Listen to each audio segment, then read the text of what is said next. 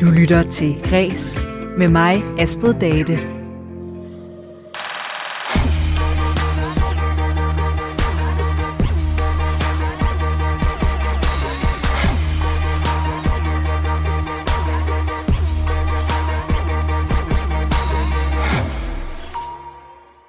Det er ikke kun i øh, Sahara, eller i Mongoliet, eller i Sibirien, hvor der er folk, der lever som øh, nomader, altså hvor de ikke har et fast hjem eller en fast base, men øh, ligesom flytter sig fra sted til sted.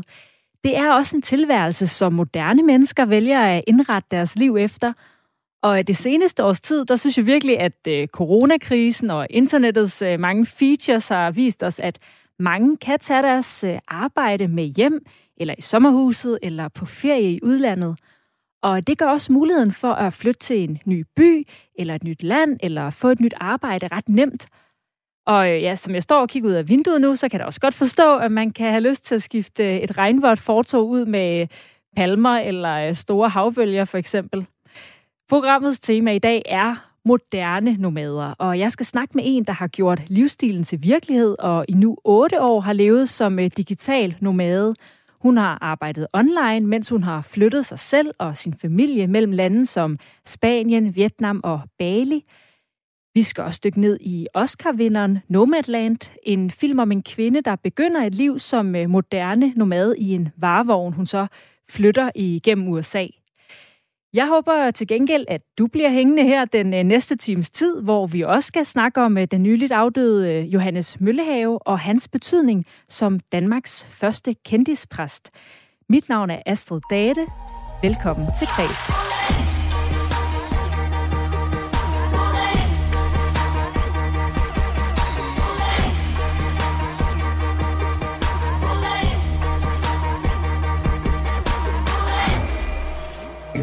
Yes, ma'am. I And they sometimes call you nomads. My mom says that you're homeless. Is that true? No, I'm not homeless. I'm just houseless.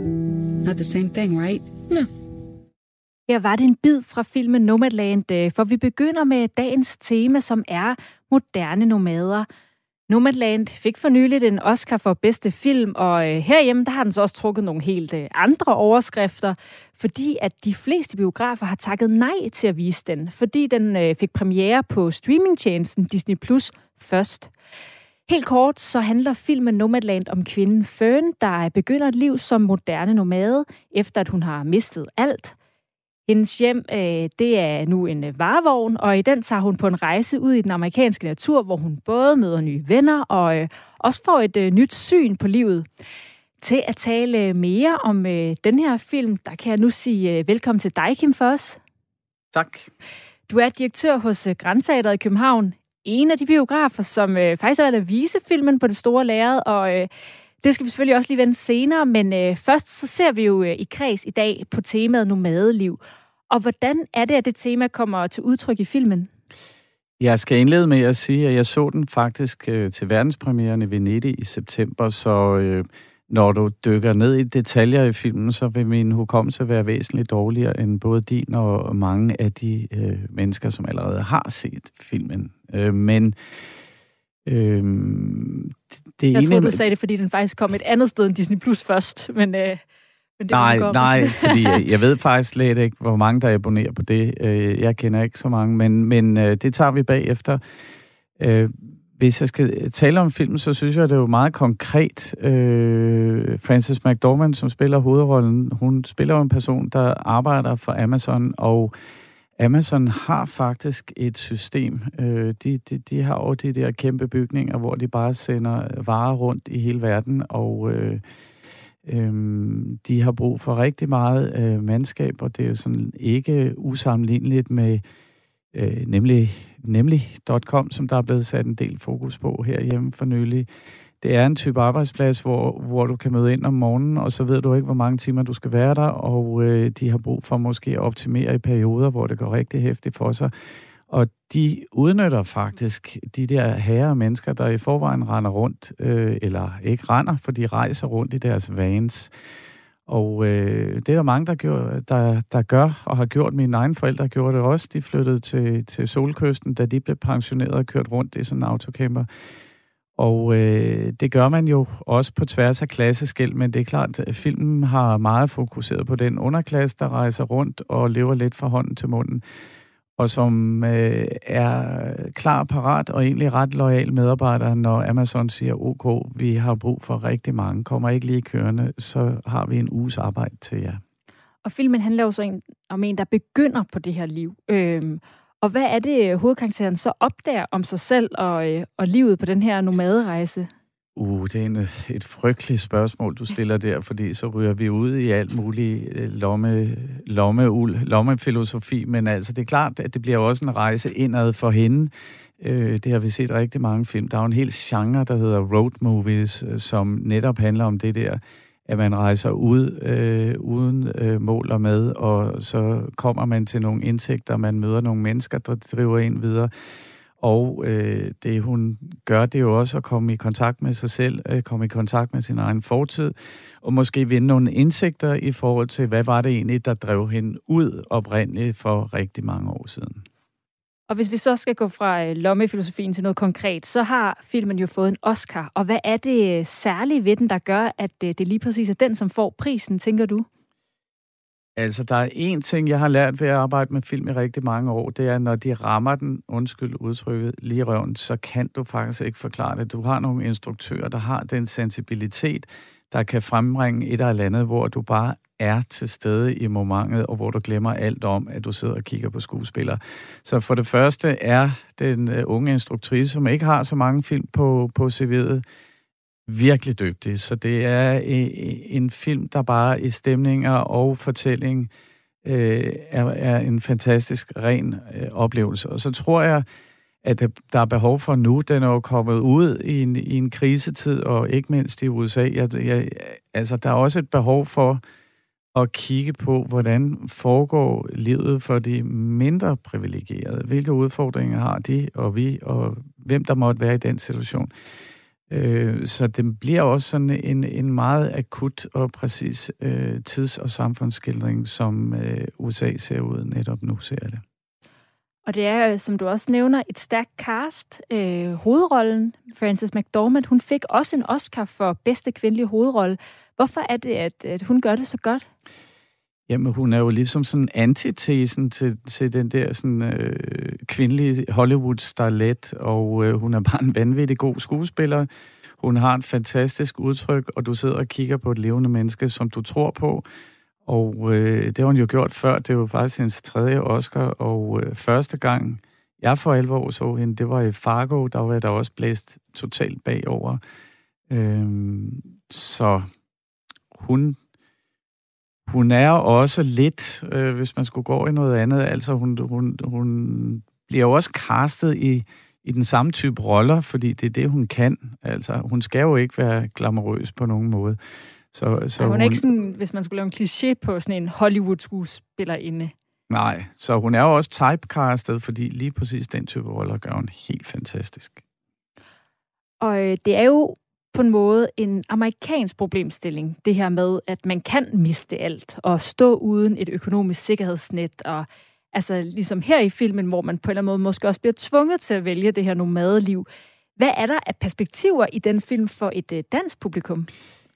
Ja, jeg vil jo opponere, eller øh, ikke jeg personligt, men jeg kender det og har hørt om en del kontanthjemsmodtagere og arbejdsløse i Danmark, som jo vil sige, altså så rosenrødt er det, er det altså ikke herhjemme. Øh, så øh, det danske samfund kunne også godt øh, øh løfte mere i flok, end, end hvad tilfældet er. Så jeg tænker, at der absolut vil være mange mennesker i Danmark, som egentlig kan genkende sig selv rigtig meget i det, de ser der. Vi er selvfølgelig ikke så liberalistisk et samfund som det amerikanske, og du kan stadigvæk blive ladt indlæg på et offentligt hospital, og vi har nogle goder herhjemme, men altså, vi har også en underklasse, og øh, det er ikke blevet mere, øh, eller det er ikke blevet bedre øh, de senere år, hvis du spørger mig. Så det, det du siger, at filmen har også lidt sådan en uh, educating, altså den har lidt noget, noget der tæller ind i, uh, i noget aktuelt samfundsmæssigt politisk i forhold til underklassen og, øh, og deres sådan, øh, vilkår? Altså, vi har jo også øh, film her hjemme imellem, som går ned. Øh, den, øh, min yndlingsfilm, den hed Bænken. Det er altså mange, mange år siden, den kom frem med Jesper Christensen. Øh, men når folk har været onde ved dansk film, så har de jo tituleret danske dramaer som værende sådan nogle typisk middelklasse dramaer. Øhm, så jeg, jeg tror, at det, det er godt at se noget, hvor du kigger øh, helt ned fra op. Og man kan jo så se den her film hos jer, men øh, det kan man ikke alle steder. Øh, og filmpolitisk har den her film øh, været diskuteret på det seneste. Nordisk Film har nemlig valgt ikke at vise den øh, i en af ja, så I er en af dem, der så viser den, ikke? Og hvorfor er det, I, I gør det? Øh, du kunne lige så godt spørge, hvorfor der er alt muligt, der ikke viser den, men det, det er meget kompliceret. Det er virkelig kompliceret for biografgængerne at forstå, og det er også en, øh, også en del af vores motivation for at gøre, hvad vi gør, fordi lige nu så har øh, vi haft corona, og det synes jeg, der er måske rigtig mange, der øh, ligesom overser, at det er særlige tider, og tingene sker på en lidt anden måde, end de plejer. Og det kommer til at fortsætte et stykke tid. Mit håb er, at vi vender tilbage til den øh, såkaldte vinduesstruktur, øh, som var gældende før coronaen. Og vinduesstrukturen, det handler altså om, i hvilken rækkefølge filmene kommer ud, og også den afstand, der er imellem. Der er typisk i Danmark øh, fire måneder fra en øh, film går op i biografen, til den kommer på streaming. Men det er klart, øh, sådan som vi ser på det, så har vi jo booket den her film for, hjælp for længe siden, og øh, filmmagerne har haft intention om at overholde, det er ikke engang regler, men det er ligesom sådan øh, øh de vilkår, vi typisk kører i, i branchen. Øh, vi er jo blevet lovet, at det ville blive overholdt, så jeg betragter den her film som ren coronaramt, og øh, jeg synes ikke, at det skal komme hverken film eller publikum øh, til last, at den øh, er blevet ramt af en pandemi, fordi det er sådan, jeg ser det. Men for at forklare, hvorfor nogle biografer så øh, bruger den her som lidt et værktøj i, i en øh, forhandling, så er det fordi, at der sidder især de biografer, der viser de store Hollywood-film, de sidder lige nu og, og forhandler med Walt Disney, øh, som tilfældigvis er distributør af den her film, som er meget atypisk Disney, skal siges. Øh, og det handler jo om nogle helt store titler, og på hvilke vilkår, at de film skal vises til efteråret, og hvad der nu måtte komme. Så man har lidt en, en konflikt, som øh, jeg opfatter det, der primært er rettet mod et øh, samhandelsvilkår, som man skal have, have knækket koden på for fremtiden.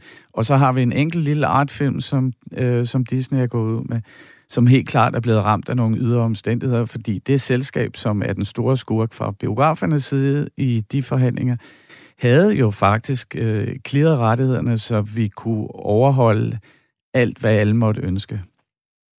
Så, er det forståeligt, ja, det jeg siger? Ja, det giver, det giver mening. At man, man kan sige, du tænker også, det er et enkelt tilfælde øh, med corona og sådan noget, men man kan sige, man ser måske også lidt ind i, at øh, i hvert fald i USA, at der er nogle film som Dune, der også kommer, der både kommer i biografen og på streaming samtidig, så måske er det heller ikke nødvendigvis en, en konflikt i virkeligheden, men, men et nyt vilkår, at man faktisk har begge muligheder, og at det, at den kommer i biografen, ikke betyder, at folk vælger det fra. Ja, eller omvendt, det du siger er, hvis det, den kommer på streaming, ikke gør, at folk vælger den fra i biografen. Det, det er jo svært at, det, det er svært at måle, men man kan sige, at det her det er jo sådan en større politisk og principiel diskussion, og øh, min oplevelse, når jeg taler med folk, der har forstand på det, det er, at Disney, de, de kommer nok ikke til at bemærke, at grænseateret viser Nomadland alligevel. Altså det, jeg hører fra folk, der har deres gang i Hollywood, det er, at Walt Disney ved ikke, hvad der foregår i København. De ved ikke, hvad der foregår i Danmark. De ved meget lidt om, hvad der foregår i Europa, og øh, måske også kun en lille smule om, hvad der foregår i USA og Los Angeles, hvor de har kontor. De ved sådan cirka mest om, hvad der foregår lige uden for deres vindue. Det skal vi jo være opmærksom på, at øh, vi er en meget lille brik, og jeg tror og håber, at skal vi sige, den der overordnede konflikt, der er øh, på biograf- og streamingfronten, den skal jo slet ikke løses i Danmark, den skal løses på europæisk niveau. Tak for det, Kim Foss, direktør ved Grænseateret i København. Selv tak. Som altså er en af de biografer, der viser filmen Nomadland. Og ellers så kan du blandt andet fange den i Øst for Paradis her i Aarhus, eller hoppe ind og streame den på Disney+. Plus. Senere i programmet, der dykker jeg videre ned i temaet om øh, moderne nomader, og her skal vi møde en dansk en af slagsen.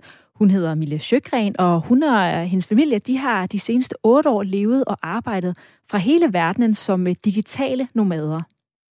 Take it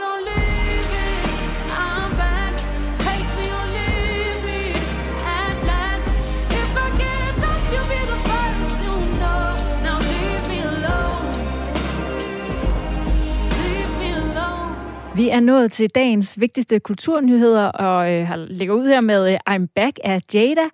Den skulle hun nemlig have sunget på Smukfest i Skanderborg til august, men som en øh, lang række andre festivaler måtte Smukfest jo smide håndklædet i ringen i sidste uge. Nu har Smukfest så lagt et åbent brev op på deres øh, hjemmeside, hvor de langer ud efter politikerne, fordi de synes, der mangler en forklaring på, hvad der ligger bag beslutningen om de øh, stramme retningslinjer der jo altså fik øh, festivaler fra Thy til Copenhagen og ja, alt derimellem til at aflyse. Og i punktform, der oplister Smukfest 10 øh, kritiske takes på det her. Øh, de sætter blandt andet spørgsmålstegn ved, hvordan det går op, at resten af samfundet kan åbne den 1. august, men at man alligevel ikke kan holde festival i sensommeren. Ligesom de spørger, hvordan det hænger sammen, at man ikke kan holde festival med coronapas, selvom mindst 4 millioner danskere efter planen til den tid er vaccineret. I Viborg og Skive, der kan man nu få øh, virtual reality-briller på til at dulme fødselssmerter. Over tre måneder i efteråret, der eksperimenterede en fødeafdeling på Hospitalsenhed Midt, nemlig med at bruge øh, virtual reality-teknologi som øh, smertelindring, øh, og som en, der ikke har prøvet at føde, men har overværet en, der skulle føde, og den smerte, så vil jeg sige, uh, whatever works, uh, for at uh, det kan lindre den her smerte. Og uh, det har de altså prøvet af på 35 gravide og fødende, som uh, havde de her VR-briller på uh, på fødeafdelingen i Viborg, mens uh, 15 kvinder brugte dem på en uh, fertilitetsklinik i Skive, mens de fik taget æg ud. Og Nana Johansen, hun er en af dem, der prøvede teknologien, og det var under hendes fjerde fødsel, og for hende, der var det en uh, succes. Jamen, det var en he- helt unik oplevelse øh, at komme ind på den her fødestue og blive tilbudt de her øh, VR-briller. Øh, jeg har altid sagt, at øh, medicinsk smertelindring, det vil jeg helst gerne undgå, så det lød som et rigtig interessant tilbud.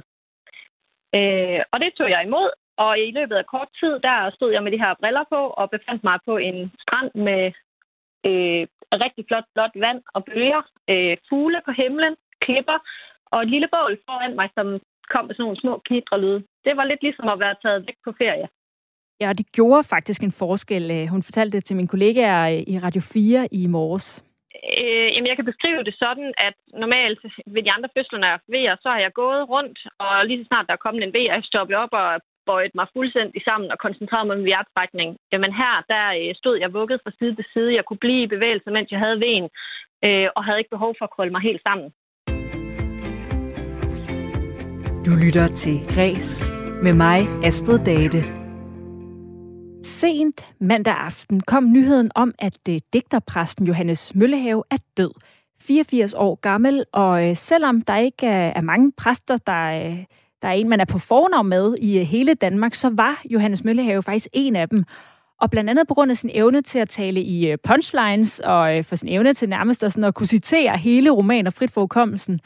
Men øh, derudover så var Johannes Møllehave faktisk også en enorm vigtig skikkelse for øh, folkekirken i Danmark. Og øh, jeg har nu sovnepræst i St. Johannes Kirke på Nørrebro i København, Marie Dam, med på telefon. Velkommen til. Tak skal du have. Hvad tænkte du, da du hørte, at øh, Johannes Møllehave øh, var død? Og jeg tænkte, det var trist. Øh, sin var det jo også øh, ventet. Han har været syg, så vidt jeg har kunne forstå længe. Øh, og så på den måde var der jo noget ventet over det, men noget meget, meget trist, fordi han jo er sådan et fyrtårn øh, inde i dansk kulturliv, men i særdeleshed i den danske folkekirke. Som sagt er der jo ikke øh, mange præster, som hele landet ligesom kender navnet på, men han var øh, en af dem, og hvad var det, der gjorde ham så øh, folkekær? Mm, jamen, jeg tror jo, altså egentlig vil jeg jo også sige, at jeg mm, tænkte meget over det også, at, at Johannes Møllehave var jo nok den første, det er sådan et grimt ord, men den første kendispræst, eller mm, på et andet måde. Han var hele Danmarks præst. Øh, fordi alle vidste, hvem han var. Det, blandt andet på grund af de punchlines, men også jo på grund af, mm, hvad skal man sige, den, den bredde, han havde i sin, øh, kolossale dannelse eller viden, at han kunne holde foredrag om Storm P., og om H.C. Andersen, om Shakespeare, om Søren Kierkegaard, og, og samtidig kunne han prædike for fulde kirker i ja, de mange forskellige steder, hvor han var præst gennem livet. Har du selv et øh, sådan favorit punchline fra ham? Nej, det har jeg ikke. Og Men, lige nu kan jeg heller ikke lige komme på nej, det. Det, det er også jeg have øvet mig på. nej, det er klart. Jeg kommer bare til at tænke på. Men, øh, men vil du ikke så fortælle, hvilken slags præst han var? Øhm, jamen, hvad tænker du egentlig på? Altså, jeg har jo sagt allerede lidt om altså, den bredde, der han, han hvad skal man sige, besad i forhold til viden. Han havde jo en enorm viden, øh, og, og, og det var jo også det, der gjorde ham til efter min mening et fyrtårn, og på den måde jo også gør det så trist, fordi man sidder lidt tilbage med en fornemmelse af, at sådan en kommer der ikke igen, som Johannes Møllehave. Øh, den slags mennesker øh, findes ikke længere. De bliver ikke øh, skabt, havde jeg nær sagt, med så stor et, et øh, dannelseskatalog øh, med sig. Øhm, og det var jo også det, der så var med til, tænker jeg, at, at gøre ham til den præst, han var. Øh, Men der er jo også forskellige sådan, en... grene, tænker jeg, i, øh, altså, inden for øh, kirken, ikke? Altså, hvad er det for en... Ja, jeg prøver, jeg prøver at slippe udenom no. at et prædikat på ham. Ja, okay. Øh, det altså, kan man ikke, eller hvad? Jo, men det er altså, altså... Helt ærligt, så sprængte Johannes Møllehave jo prædikaterne. Altså, og, og det var det, der gjorde ham fantastisk, og jo også det, der var med til at kunne gøre ham til hele Danmarks præst. Det er også et prædikat. Men altså, jeg, jeg er ikke i tvivl om, at han har haft sympati for det, øh, det, det tidlige tideværv. Øh, hvis jeg skulle sige noget, ville jeg jo nok kalde ham for grundvigianer. Øh, men samtidig var det jo også, han var også kirkegårdianer, hvis der er noget, der hedder det. Øh, så jeg synes jo, det, der gjorde ham stor, var, at han i virkeligheden havde lidt af det hele, om meget mere. Ja. Og for eksempel med grundvidianer, hvad, hvad kendetegner det? Nu snakker også lidt om det der dannelse, det er i hvert fald det, jeg selv tænker, eller sådan, ja, at det er ja, en del af. Og, men også en dannelse, altså, og en folkelighed. Øh, altså, og jeg læste en eller anden her i forbindelse med hans død, der skrev, at Johannes Møller havde jo aldrig talt ned til folk. Øhm, og det forestiller jeg mig har galt både i forhold til, til foredrags, øh, men også som, som præst, altså når han forkyndte for prædikestolen. Øhm, altså så folkeligheden og det at gøre, og det at gøre altså at inddrage andre, altså dele sin viden med andre. Det tror jeg øh, er noget af det, som, som kendetegnede ham øh, og, og, og dermed også gjorde ham til en folkelig grundfigeriansk præst. Og har han også haft øh, betydning, øh, Møllehave, for sådan din generation af præster? Ja, det tror jeg helt sikkert, han har. Øh, nu er jeg sådan cirka øh, halvt så gammel øh, som ham, men, men, øh, og, og, men jeg har, tror jeg, mere eller mindre øh, alle hans prædikensamlinger. Det er jo primært som præst, øh, han har, har, hvad skal man sige, inspireret mig, det vil sige hans prædikensamlinger. Øh, men igen, som jeg lige så har diskuteret, kan man skille det ad, hvornår var han præst, hvornår var han øh, noget andet. Fordi i virkeligheden var han jo for mig at se altid præst og teolog. Men, men selvfølgelig har han det. Også hans måde at inddrage alle de her andre, øh, hvad skal man sige, så jeg inddrage H.C. Andersen, Storm P., alle de film, litteratur i sine prædikner. Det er, helt, ikke, altså det er jeg ret sikker på, at, at han er en af dem, der, der startede med. Altså, det er også noget af det, du vil huske ham for. Øh, det her med at ikke at se ned på folk, eller, eller hvad? Jeg tror, jeg vil huske ham som en, en ret fantastisk prædikant. Øh, og så tror jeg jo egentlig også, jeg vil huske ham på altså, som et levende og et stort menneske, og underholdende og sjov og, og lidt skør. Og, ja. Så et stort menneske på alle måder. Kan der godt komme en møllehave igen? Nej, jeg har jo, jeg indledt jo næsten med at sige, at det er det, der jeg synes gør, at det er trist. For det tror jeg faktisk ikke, nej. Hvorfor ikke? Øhm, fordi jeg tror simpelthen ikke, at, at der er nogen, der bliver dannet på den måde. Altså, og, og også en helt klassisk dannet i forhold til, hvem, hvem læser, og hvem, hvem kan Shakespeares forfatterskab udenad? Og jo samtidig også H.C. Andersen, Dostojevski, Søren Kierkegaard. Altså hele Bibelen, som han har genfortalt for jeg ved ikke, hvor mange børn i Danmark. Øhm, så nej, desværre. Gid der gjorde. Nej, men kan man godt, kan man godt sige nogle navne? Hvad, altså, hvilke navne skal Møllehaves navn nævnes i sammenhæng med? Der tror jeg lige den allerførste, der i hvert fald falder mig, det er sådan en som Benny Andersen. Øhm, Altså, som han jo også lavede den der samtalebog, eller Karen Tisted skrev den, mener jeg, det var. Øhm, det, det skal mærkes, vi lever. Altså, den, den tror jeg også, altså, at i den grad var med til at, at, at gøre Johannes Møllehave kendt, ligesom Benny Andersen var det. Så de to, tror jeg, i de senere år. Anne Linnet er jo også en, der er blevet forbundet med om de senere år, øh, for han har jo også skrevet en del salmer, øh, som bliver sunget i kirkerne, men også nogle af de sange, som Anne Linnet tager rundt og synger til jul. Det er også Johannes Møllehave, der har skrevet dem. Hvordan, hvordan bruger du Møllehave i dag? Det er egentlig nok som til inspiration. Altså, så, så øh, jeg vil sige det sådan, øh, de gange jeg har læst noget Møllehave, så, så at jeg tror aldrig, det er sket, at jeg ikke har taget en note. Altså, at, at jeg har skrevet noget ned. Der var noget, der var vigtigt, jeg lige skulle huske. Og det kan så have været et citat. Øh, eller, eller, og så er jeg også ret sikker på, at jeg altid har grinet ret meget. Og øh, ja, fordi jeg tænkte det her med også, hvordan, øh, hvordan kommer vi sådan til at huske ham, tror du?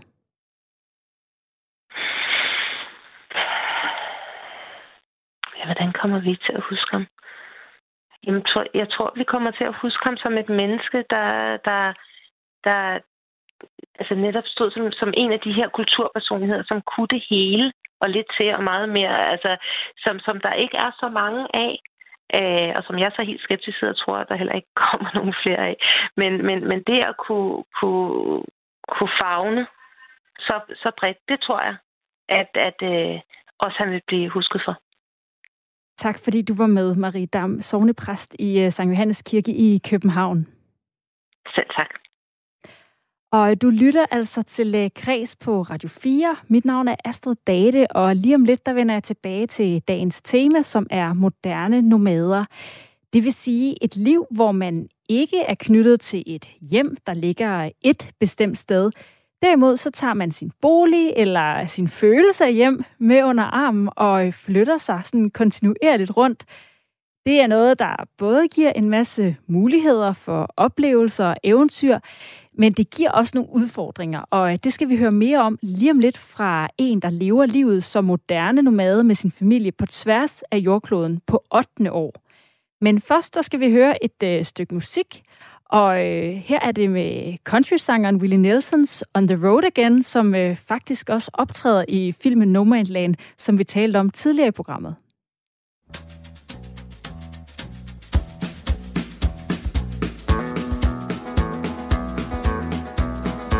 On the road again. Just can't wait to get on the road again. The life I love is making music with my friends. I can't wait to get on the road again. On the road again. Going places that I've never been. Seeing things that I may never see again. I can't wait to get on the road again. On the road again.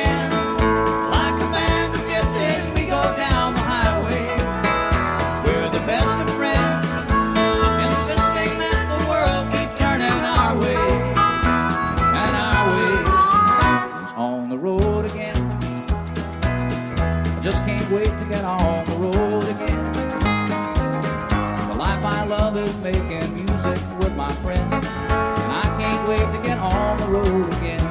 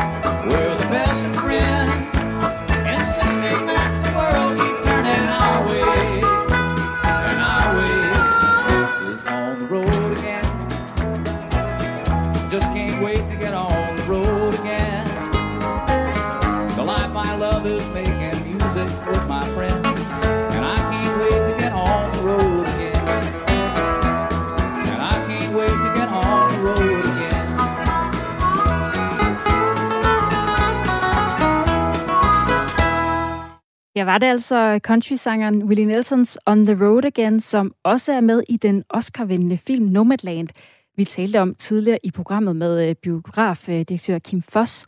Og det gjorde vi, fordi temaet i dag er moderne nomader, og nu skal vi se mere konkret på såkaldte digitale nomader. Det er et øh, relativt nyt begreb for en livsstil, hvor man tager sit arbejde med på farten, rejser ud og arbejder på computeren over øh, en internetforbindelse fra hele jordkloden. Vi har fanget Mille Sjøgren, der har levet som digital nomade med familien i de sidste otte år. Lige nu er hun i Puerto Rico, og øh, min kollega Lene Grønborg talte med hende over en internetforbindelse tidligere i dag. Ideen om at starte et nyt liv som nomade, den startede for Mille Sjøgren på et trappetrin med en øh, flaske vin på Østerbro i København. Vi sad en aften på vores trappesten på Østerbro i København, Christian, min mand og jeg. Og øh, vi havde to små børn på to og fire år, og alle, der har små børn, ved, hvordan livet er med dem. Det er selvfølgelig øh, fantastisk, men det er også skide hårdt. Og øh, vi havde lige været en tur på Bali, hvor vi for første gang nogensinde, det der var i 2012, havde taget vores arbejde med, og vi havde været derude i en måned. Og øh, jeg var freelancer på fire år, og Christian var lige blevet det. Øh, han er videnskabsjournalist og havde fået en kunde. Så vi sad derude og arbejdede lidt frem, mens vi sådan, øh, ja, rejste rundt og hyggede os med ungerne. Det blev selvfølgelig ikke så meget. Men da vi kom hjem derfra, der sad vi så på den her sådan, trappesten, og så snakkede vi lidt om livet og om vores ambitioner for livet, og hvad det var, vi egentlig gerne ville have ud af livet. Og så kiggede vi bare begge to på hinanden og sagde, hvad fanden laver vi egentlig her, når vi kan være ude i verden og få alt det her eventyr samtidig. Så det var egentlig ikke, fordi der var noget galt med det liv, vi levede. Vi havde bare lyst til noget mere. Vi havde lyst til mere eventyr. Og så tog vi simpelthen en beslutning over tre flasker rødvin øh, en aften på Østerbro i København, ude vores lejlighed, øh, om at øh, vi skulle tage til udlandet og bo i 10 måneder. Og øh, det, der sker der, det er, at jeg siger til min mand Christian, at han skal også begynde at øh, få nogle kunder, inden vi tager afsted, så det ikke kun var mig, der skulle hænge på, på hele indkomsten. Og øh, tre måneder senere, der, øh, der flyver vi faktisk til den iberiske halvø i Spanien, hvor vi har lejet et hus og øh, skal bo i 10 måneder. Og det lyder jo både spændende og også lidt angstprovokerende. Så hvordan gik den første tid for jer som digitale nomader? Den første tid gik fantastisk. Altså, jeg havde selvfølgelig mange bekymringer ved at tage afsted, fordi jeg er voiceover-artist, og det vil sige, at mine kunder er primært i København i studierne. Men jeg havde forberedt dem godt, og jeg havde bygget et studie dernede. Og, øh, og i forhold til at komme derned og være, jamen så går det jo som det går. Ingen af os talte spansk, og, øh, og det var da skide svært at finde sig til rette, og børnene skulle ind i en spansk øh, slash international øh, skole. De starter jo tidligt som preschool dernede.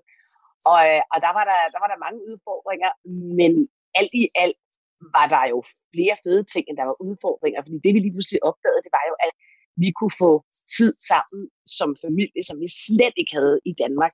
Altså det føltes lidt som om, at man, man tog ud for at være sammen med sin familie. Så den tid, vi fik der, var fuldstændig magisk, og det forandrede os simpelthen som familie. Og jeg kan jo også allerede afsløre nu i interviewet, at der gik ikke 10 måneder, før vi kom tilbage på dansk jord igen. Der gik faktisk 6 år hvor vi kom tilbage på dansk jord igen. Og i den mellemliggende periode har vi så rejst hele verden rundt og boet i Spanien i en lang årrække. Så det var ligesom startskuddet. Det lyder til, at det fungerer, øh, men I har jo også børn med på de her rejser, så hvordan fungerer det i forhold til skolegang for eksempel? Ja, det er meget forskelligt. Altså, de har faktisk prøvet det hele, så de har gået i en international skole i Spanien, når vi har boet der. Og så har vi selv undervist dem, når vi har været på farten, men vi har også, når vi har været på de her længere ture, som vi også er lige nu, øh, så har vi simpelthen underviser på øh, online. Og første gang havde vi Miss Fuhr, som vi kendte fra Spanien af. Hun underviste dem hele vejen rundt om jorden, og det var fantastisk. Og vi har prioriteret kun at lade dem undervise i, altså på det tidspunkt, literacy og matematik, fordi resten lærer de ligesom af verden. Og de taler også tre sprog øh, flydende. Så vi havde det sådan, den kultur og de ting, de får ind ellers af historie og så videre, det behøver vi ikke at undervise dem i. Nu er min ældste søn jo lige ved at blive 14 her i den her måned, og øh, nu kræver det jo lidt nogle andre ting, man sige. Og, øh, og den her gang er vi så væk. I, altså, jeg skal lige sige, at vi faktisk flyttede til Danmark for lidt over to år siden, og de begynder at få danske venner. Og øh, nu er vi taget afsted i seks måneder denne her gang, og der har de så også en, en lærer på lige nu. Men altså faktisk er de blevet undervist af skolen på grund af corona. Så det har været ret fint, at de kunne følge, følge curriculum der. Ikke? Så lige nu så er jeres hverdag sådan, at I både rejser rigtig meget, men I også har hjemme en gang imellem. Hvordan fungerer det? Jamen altså, det er egentlig ikke specielt meget anderledes, end, end det hele tiden har været. Altså, vi har både en fast base i Danmark, og det er selvfølgelig for børnenes skyld. Øh, de har været udlandsdanskere længe, og øh, de har mange dejlige, fantastiske venner i hele verden. Men der kommer også et tidspunkt, hvor netop nu, hvor man begynder at blive teenager, hvor vennerne betyder mere end mor og far. Og derfor har vi lavet den prioritering, at øh, vi har en fast base der, og så tager vi ud øh, derfra. Og man kan sige, er det nemt? Nej, det er det overhovedet ikke. Men det er overhovedet heller ikke nemt at være digital med. Det er totalt hårdt og op ad bakke til tider og udfordringer, og ingen dage er ens, og, og hvad kan man sige, the uncertainty. Øh, altså hver dag er, er en ny ting, man ikke ved, hvad fanden man begiver sig ud i. Så det er ikke et nemt liv, men det er til gengæld et meget berigende liv. Det sagde Mille Sjøgren, der er øh, digital nomade og hermed over en internetforbindelse fra Puerto Rico. Og corona har betydet jo rigtig meget i vores liv det sidste år. Det har det også for Mille Sjøgren. Øh, og her der fortæller hun også, hvordan øh, corona har haft betydning for, hvordan hun kan leve som nomade. Det har selvfølgelig også påvirket vores liv som digital nomader, og vi har øh, da også måtte aflyse tonsvis af ting i her det seneste halvandet år. Men jeg tror også, at vi lever klart med en... Øh, vi, vi lever ikke i et frygtsom verden. Altså både min mand og jeg er, lever ikke øh, med den, på den måde, at vi er bange for ting. Og jeg er heller ikke bange for corona. Jeg tager hensyn til corona. Vi gør alt for ikke at blive smittet eller at smitte andre, også når vi rejser. Men vi har taget beslutninger om, at vi godt kan være i verden alligevel, og vi insisterer på, at det kan godt lade sig gøre. Jeg vil så lige have lov til at sige, at øh, min mand han er jo videnskabsjournalist og taler dagligt med eksperter fra hele verden om corona, og har skrevet over 300 artikler i den her tid, så vi er ret godt velinformeret omkring det. Øhm, og samtidig så har vi faktisk også fået vaccinen. Vi er begge to vaccineret nu, fordi det lykkedes os simpelthen at blive, da vi var ude i verden øh, i USA. Og, øh, og, og det der med at rejse er man jo faktisk ret isoleret, for vi ser ingen venner, og vi ser ingen familie. Så på den måde synes jeg, at, øh, at vi, har, vi har passet ret godt på os selv i den her periode. Men det er klart, verden er ikke åben alle steder, så der er mange steder, vi ikke kan rejse til. Og det vil sige, at vi bliver nødt til at rejse derhen, hvor verden er åben. åben. Og det kan jo være på en måde også et meget fedt eventyr at sige, jamen så er det det, vi gør. Vi havde måske ikke lige valgt at rejse til Puerto Rico øh, i Karibien, hvis det havde været andre muligheder. Men det var der ikke lige nu. Og hvad er så de største udfordringer ved at være digital nomade? Jamen, der er jo ikke andet end udfordringer. altså, øh, det, det, jeg ved godt, at rigtig mange ser jo på det der med at være digital nomade, som at man sidder på en bounty øh, strand med en, med en, øh, med en uh, drink i hånden og nyder livet og surfer. Og det er det også, og der er masser af de oplevelser, og heldigvis er de der, fordi ellers var der absolut ingen, der ville kunne holde ud og leve som digital nomade. Men man kan sige, at udfordringerne er jo, som jeg også er lidt inde på, det der med, at jamen, altså, hver dag er sgu en ny dag, ikke? Og, og du ved ikke rigtigt, hvad den her dag den byder på. Du skal hele tiden arrangere, hvor du skal bo, hvis du, hvis du flytter dig meget rundt. Så er der faktisk rigtig meget praktik i det. Mange digitale nomader bliver selvfølgelig i en længere periode det samme sted. Øh, der er også udfordringer nu her omkring corona med fly, der bliver aflyst, øh, ting man skal være opmærksom på i forhold til sine sundhedspapirer og sine QR-koder, når man rejser osv. Alle lande har forskellige, og alle stater jo også i USA har forskellige øh, regelsæt, man skal følge. Så der er rigtig meget praktik at skulle sætte sig ind i. Så er udfordringen også internet. Øh, den er svingende i verden, det er den bare. Selv i USA, hvor jeg lige har rejst i to måneder i en vane.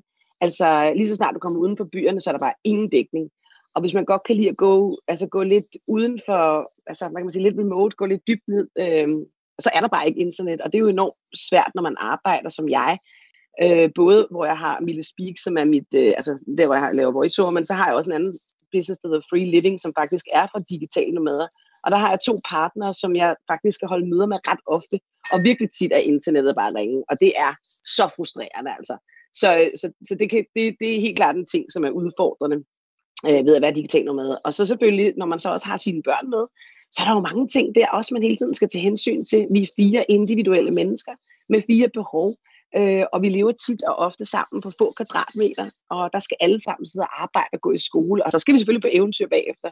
Så der er både følelserne og det praktiske i det, at være på farten, som kan være, kan være udfordrende. Og sidst men ikke mindst, så er der også naturkatastrofer, man lige skal navigere udenom en gang imellem. Altså vi har der været både i jordskæld og øh, træer, der falder ned i bungalows, og hvad ved jeg, heldigvis ikke i den her omgang. Øh, men jeg har da været meget tæt på en tornado, vil jeg sige.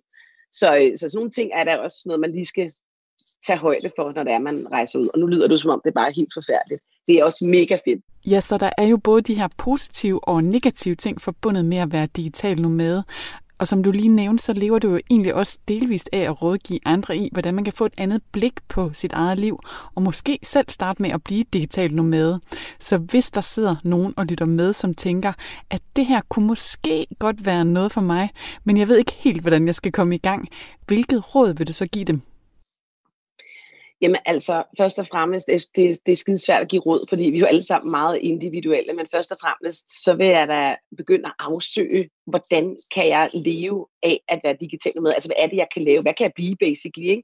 Altså det der med at finde ud af, hvad det er for nogle kompetencer, man egentlig har, og er det noget, man kan lave online? Fordi uden en digital forretning, så er det lidt svært at, at leve som digital med. Så det vil være det første skridt. Og det andet skridt, det er så også at se, om man ikke kan skille sig af med nogle af sine øh, materielle ting. Fordi alle de ting, vi har, binder os jo til steder, der gør, at vi har svært ved at uh, rejse ud.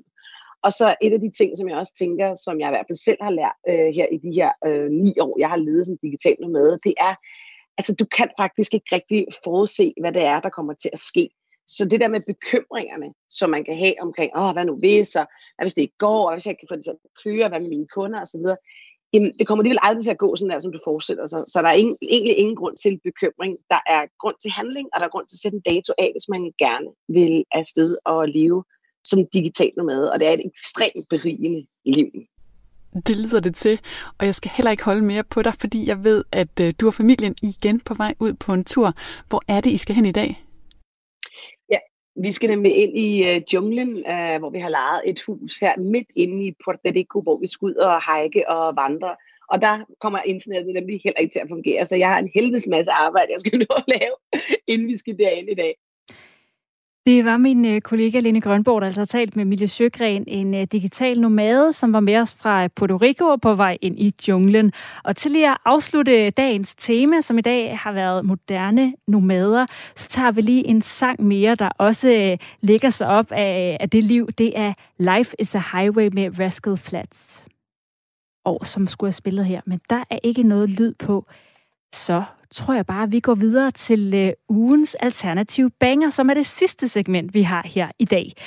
Og øh, vi kan åbenbart ikke få nok af Justin Bieber for tiden. Sidste uge, der var det nemlig det her nummer, som var den mest spillede sang i radioen.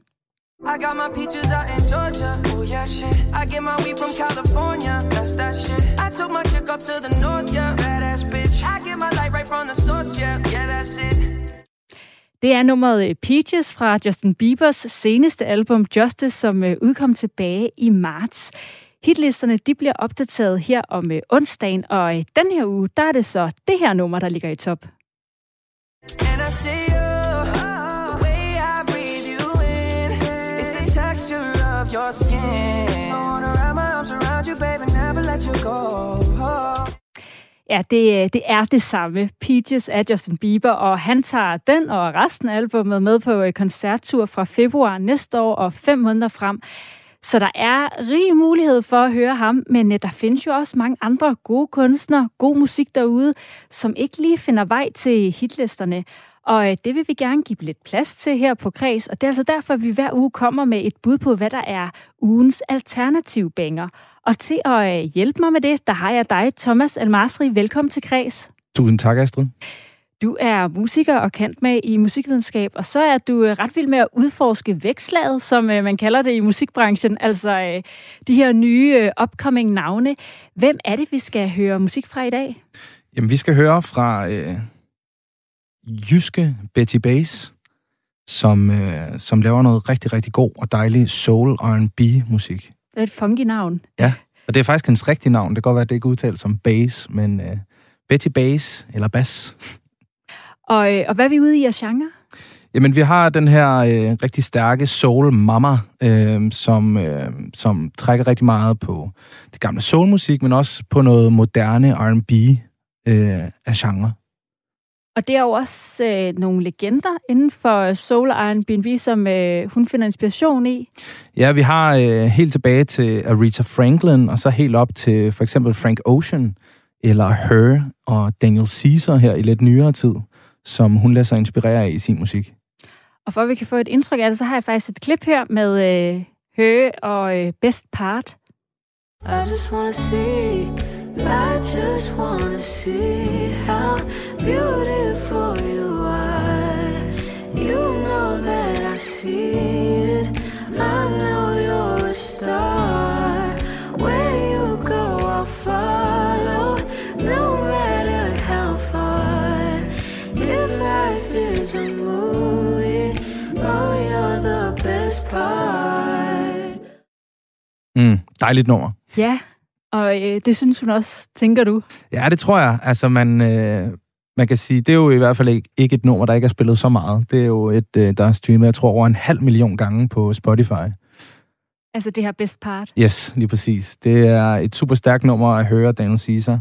Og man kan faktisk godt høre altså, de her sådan, lækre akkorder i gitaren, og det her meget, hvad kan man sige, slow øh, R&B feeling. Den går ligesom også igen i mange af Betty Bass numre. Ja, fordi hvis du skulle sætte nogle øh, ord på sådan hendes musik, hvordan, øh, hvordan er den så? Jamen, Betty har en, en rigtig fed klang i sin egen stemme, men lige så meget også i instrumenteringen og, og hele den lyd, der har været på de her en lang række singler, som hun har udgivet, er rigtig behagelig og rund i, i lyden, samtidig med, at hun trækker sindssygt meget på de her sådan trap-trummer, de her trap beats, der egentlig ligger og ikke skinger igennem, men, men laver sådan en, en fed kontrast til, til de bløde toner i instrumenterne og i hendes, i hendes stemme. Og hvad, hvad er et trap beat? Jamen, et trap beat, det kan man måske lige høre et eksempel på her lige om lidt i en af hendes andre sange, der hedder Sideways, hvor at øh, hvis man lytter i sådan en, øh, for eksempel i hi-hatten i det nummer, så er der en masse sådan underdelinger, som er sådan ret perkussive og skubber, hvad kan man sige, til groovet og til rytmen i numrene øh, på en ret fed måde. Så er det, hvad, jeg har et klip med det her, men hvad er det sådan helt konkret, man skal høre efter? At der er det her bløde, siger du, men så ligger der sådan en hi-hat Ja. og, og trummer, eller hvad hedder sådan noget. Ja, Øh, det er en del af trommesættet, ikke? Så Ja. har vi sådan kak, du, kak, du, du, du, kak. Ja, det var lige mig, der beatboxede, Ja, men, men det så var har lige at få det eksemplificeret. ja, man kan, man kan i hvert fald, hvis man lytter øh, til det her nummer Sideways, som også er et af Bettys øh, øh, mest afspillede nummer, super dejligt nummer, så kan man høre den her hi-hat, der har de her forskellige underdelinger. Øh, ja, det Ja. giver bedre mening, hvis man lige ja, hører det, tror jeg. prøver lige at høre det her. You got me feeling sideways, pulling at me sideways. Why you mine? Why you mine? Looking at it sideways, caught up in the wrong place. I'm about to break, can't find a way out. Ja, lige præcis. Så vi har de der eller åben hi-hat, som man også bruger.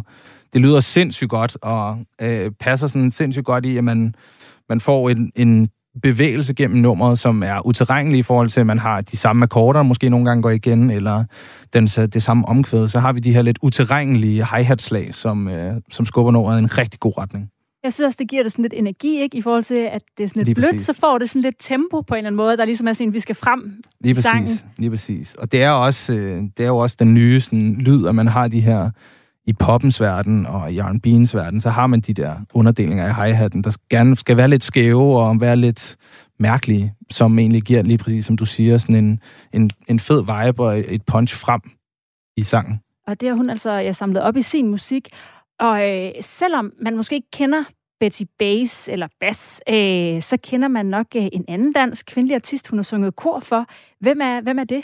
Jamen, der har vi jo fantastiske Jada, som øh, Betty har øh, simpelthen været så sød og synge lidt kor for, og det lyder knaldgodt med Jadas vokal, og især også Bettys vokal. De er begge to rigtig stærke vokalister, og der kan man sige, der har Jada jo øh, et super godt nummer, der hedder Nudes, som øh, har været spillet rigtig meget i radioen, og der kan man faktisk måske godt finde nogle ting, som Betty har lavet sig inspirere af, i hvert fald i det her øh, nye nummer, vi skal høre her senere, Young Love, så har vi Nudes med Jada, som ligesom også har den samme opbygning i nummeret, med at vi har en, en guitar, som, som bærer nummeret igennem, og så har vi vokalen, der kommer ind lidt senere, og det giver en rigtig dejlig sådan, akustisk fornemmelse, samtidig med, at begge numre faktisk går i tre fjerdedele, som vi kender sådan, fra godt gammeldags vals. Ja, og det er noget at gøre med rytmen i, i musikken. Ja, det man siger 1, 2, 3, 1, 2, 3. Kan jeg måske få brudevalsen, ikke? Da, Ja. da, da, da. Ja, så bliver det sådan lidt... Øh, Og det har begge numre. Lidt gyngende, eller Ja, det hvad bliver det gyngende, og det bliver bølgende, og det bliver sådan... Det bliver også behageligt. Jeg har også et klip fra Nudes. Det er så godt nok ikke helt fra starten, så man kan ikke høre den der intro-guitar, men vi kan lige prøve at høre, om vi kan fornemme den der bølgende, bølgende bevægelse i musikken. Was supposed to go like that. Fucking up the shit show went fast. No one did it like like you, touch me like you. Boy, I really lost it when I saw the names on your phone. Now I know you never sleep alone. I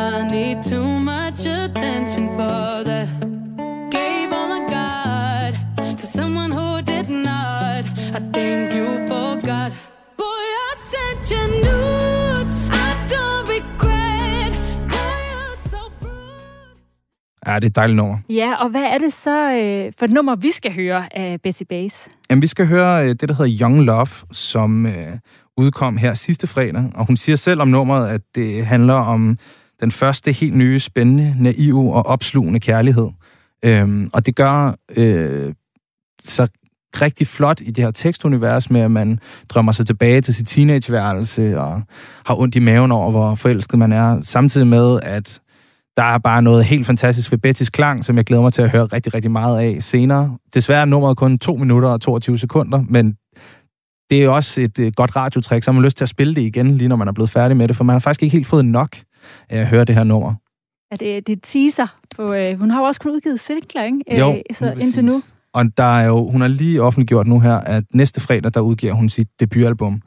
Og der er øh, Young Love, det her, hvad kan man sige, teaseren for det her album, og hvad vi kommer til at, ja, hvad vi kommer til at høre på det her album. Jeg synes, det er et, et super stærkt nummer, selvom det er så kort. Det giver en rigtig god fornemmelse af, hvor god Betty er, og en fantastisk produktion, der er på nummeret. Øhm, og jeg glæder mig bare virkelig meget til at høre den her plade, og hvad den har at byde på. Så øh, efter en øh, lang række singler fra den her øh, nye kunstner Betty Bass, så kan du altså se frem til hendes øh, debutalbum, der hedder Grown. Også lidt ind i, du sådan snakker om øh, den her øh, teenage-agtige følelses... Mm. Tema, der er i sangen. Og det udkommer altså næste fredag den 21. maj, øh, og det kan vi i hvert fald høre, at øh, du, øh, Ja. Thomas Marsi, glæder dig til. Tusind tak, øh, fordi du var med her og delte din øh, begejstring. Det var så let. Tusind tak. Og så kommer altså øh, her i øh, fuld længde, øh, ikke så lang, 2.22, som Thomas siger, Young Love af Betty Bass. All of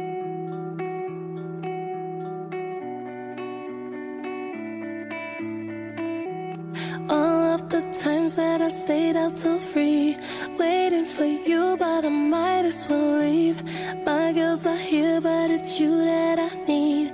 Do you recall? Do you recall? Say I'm too insecure, boy. Please don't talk to me like I'm still in my teens. I know we both say things that we don't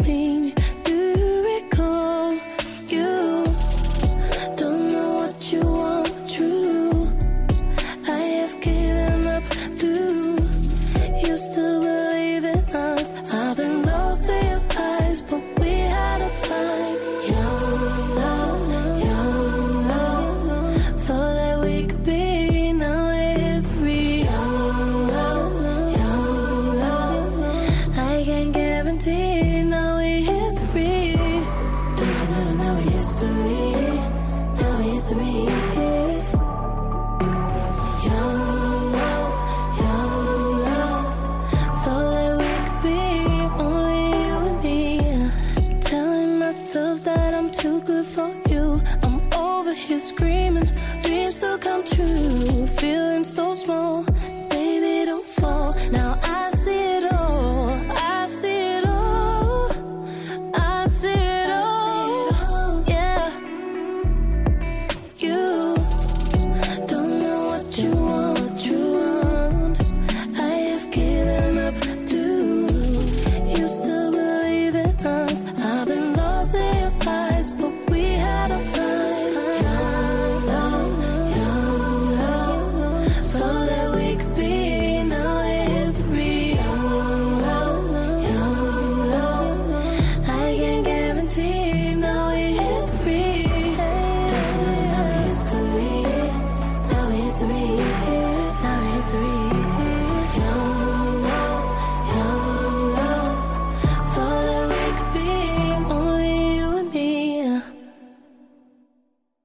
Det vi hørte her, det var altså Betty Bases single Young Love.